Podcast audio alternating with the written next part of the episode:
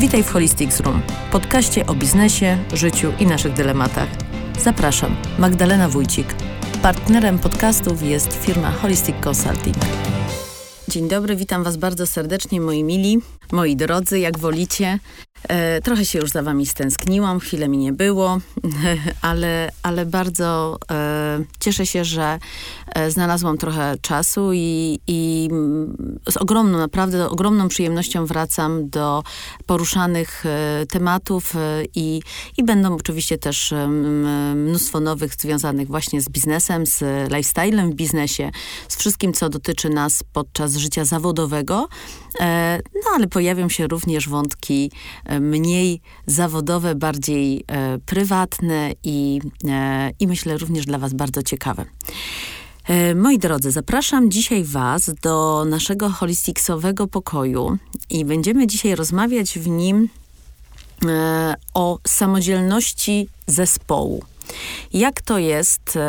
Tutaj tak naprawdę jeszcze chciałabym podziękować jednej z osobie. Iza, bardzo Ci dziękuję za podpowiedź w temacie, bo mm, e, okazuje się, że jest to czasami problem dla menadżera, dla właściciela, kiedy decyduje się na bardziej e, ruchomy system pracy. Ruchomy to znaczy ma więcej wyjazdów służbowych. jego życie zawodowe tak się rozwija, że będzie coraz mniej obecny ze swoim zespołem. E, no i pojawiają się dylematy. Jak teraz to wszystko pogodzić? Żeby zespół e, był nadal w odpowiednim stopniu zmotywowany, pracował tak jak wcześniej podczas obecności pracy bezpośrednio ze swoim przełożonym, jak utrzymać odpowiednią mobilizację. E, no i pojawia się bardzo ważny tutaj element e, zaufania naszego do tego, co się będzie działo, gdy nas nie będzie w biurze, nie będzie nas w swoim biznesie. Jak mówi przysłowie, kiedy nie ma kota w domu, myszy harcują czy jakoś tak. E, no i właśnie pytanie i, i również e, myślę, że taki, taki obszar, w którym wielu menadżerów się zmaga, no, czy one naprawdę harcują, jak tego kota w domu nie ma. No więc już wam odpowiadam z mojego doświadczenia, jak ja zarządzałam i zarządzam swoim zespołem. Duże miałam to szczęście, że spotkałam się z dwoma modelami w swoim życiu. To znaczy, że pierwszy z tych e, obszarów to była zwykła struktura, w której pracowałam i zarządzałam ludźmi bezpośrednio, którzy byli wokół mnie.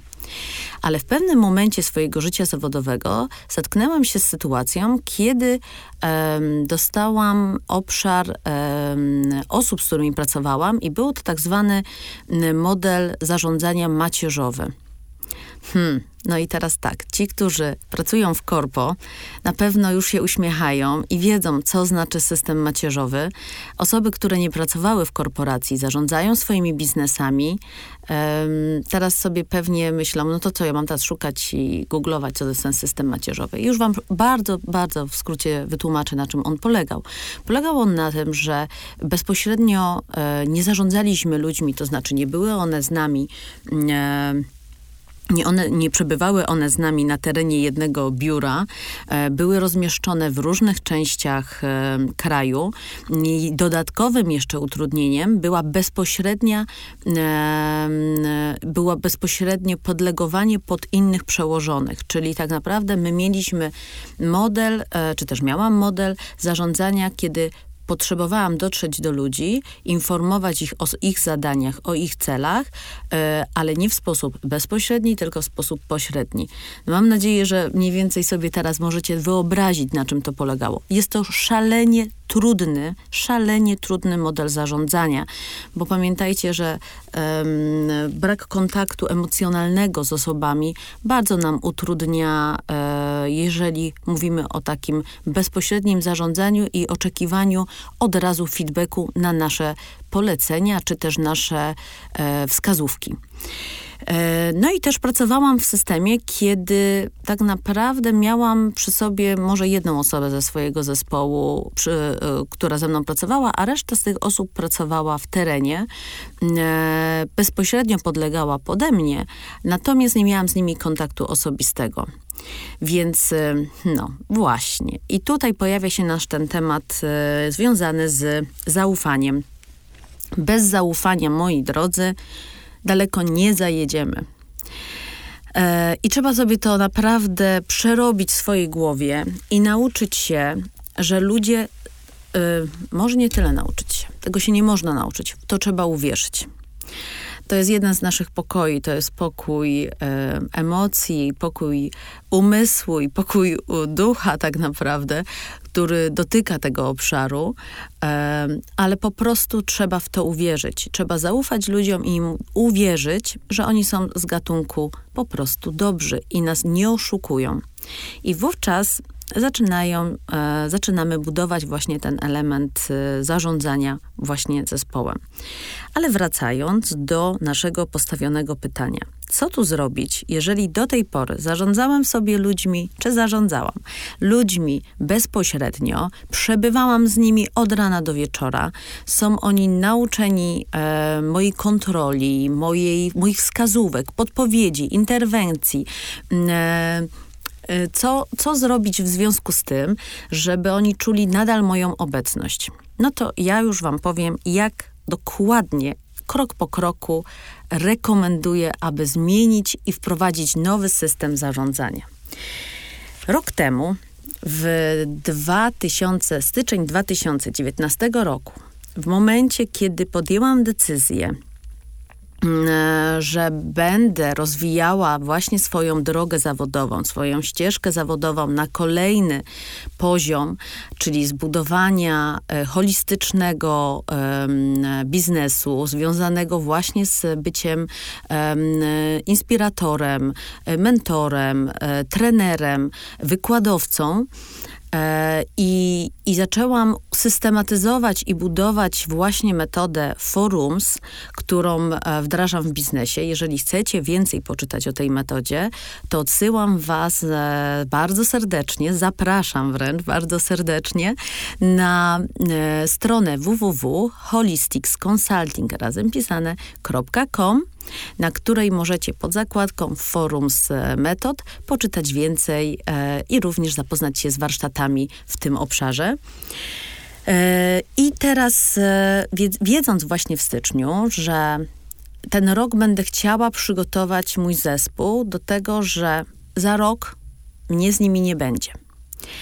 To ogłosiłam w styczniu 2019 roku, że jest to rok na samodzielność.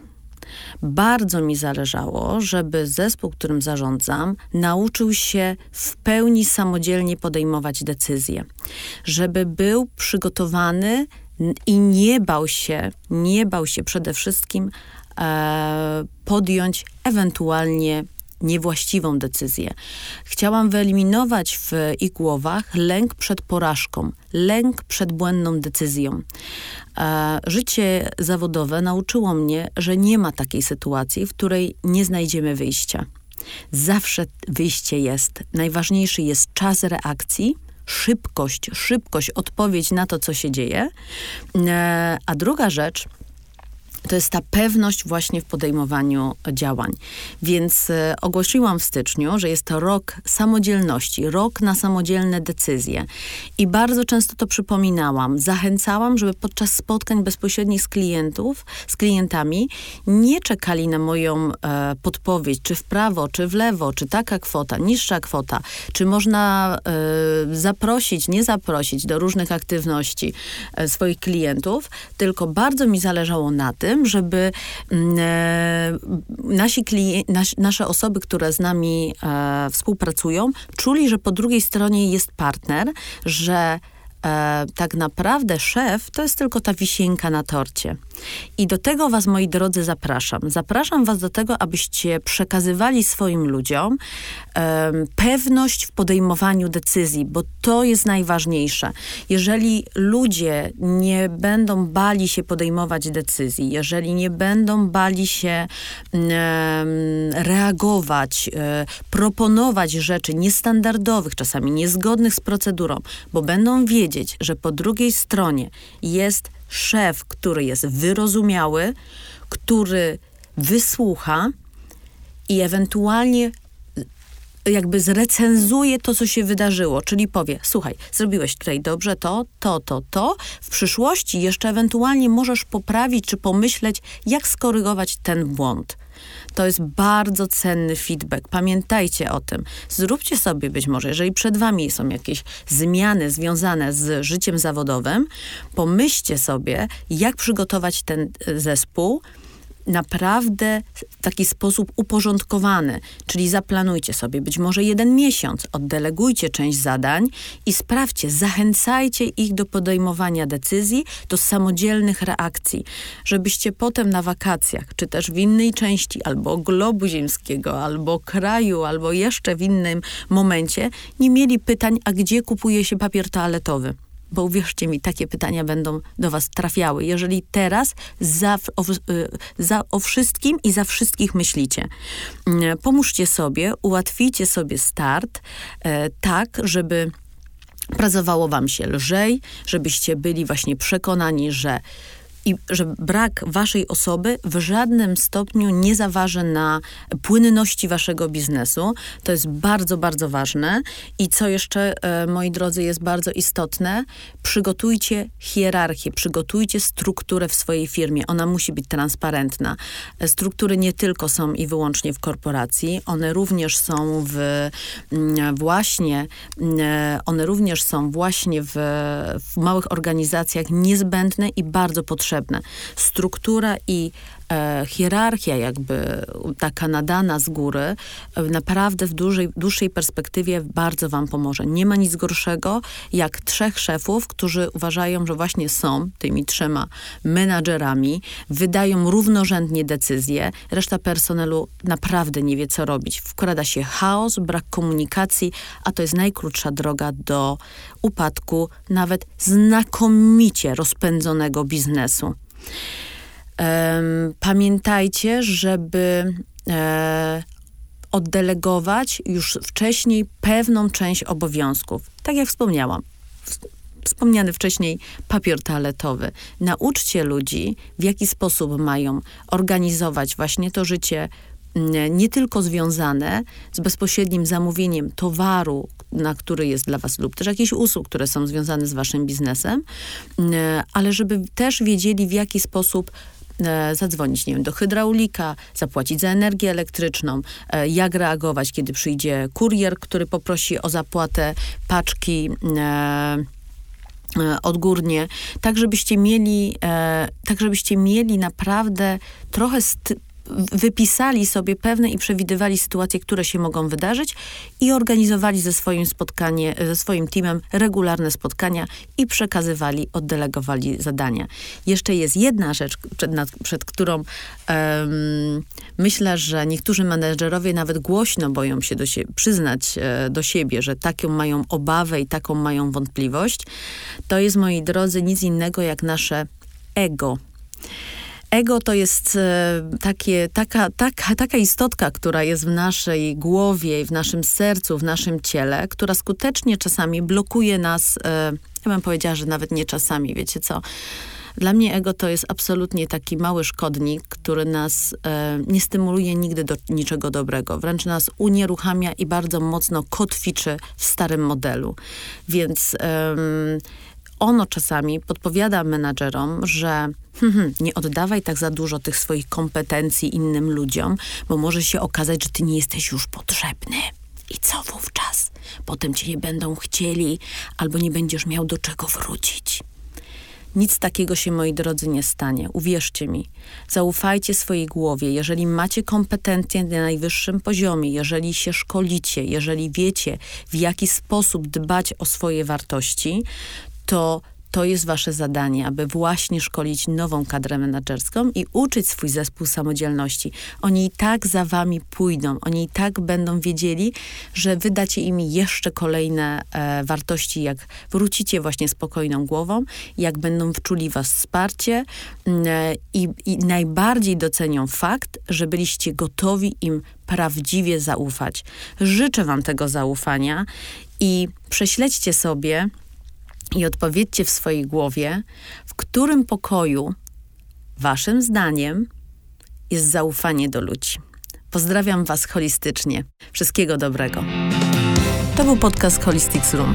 Zapraszam na kolejne odcinki. Magdalena Wójcik. Do usłyszenia. Partnerem odcinka była firma Holistic Consulting.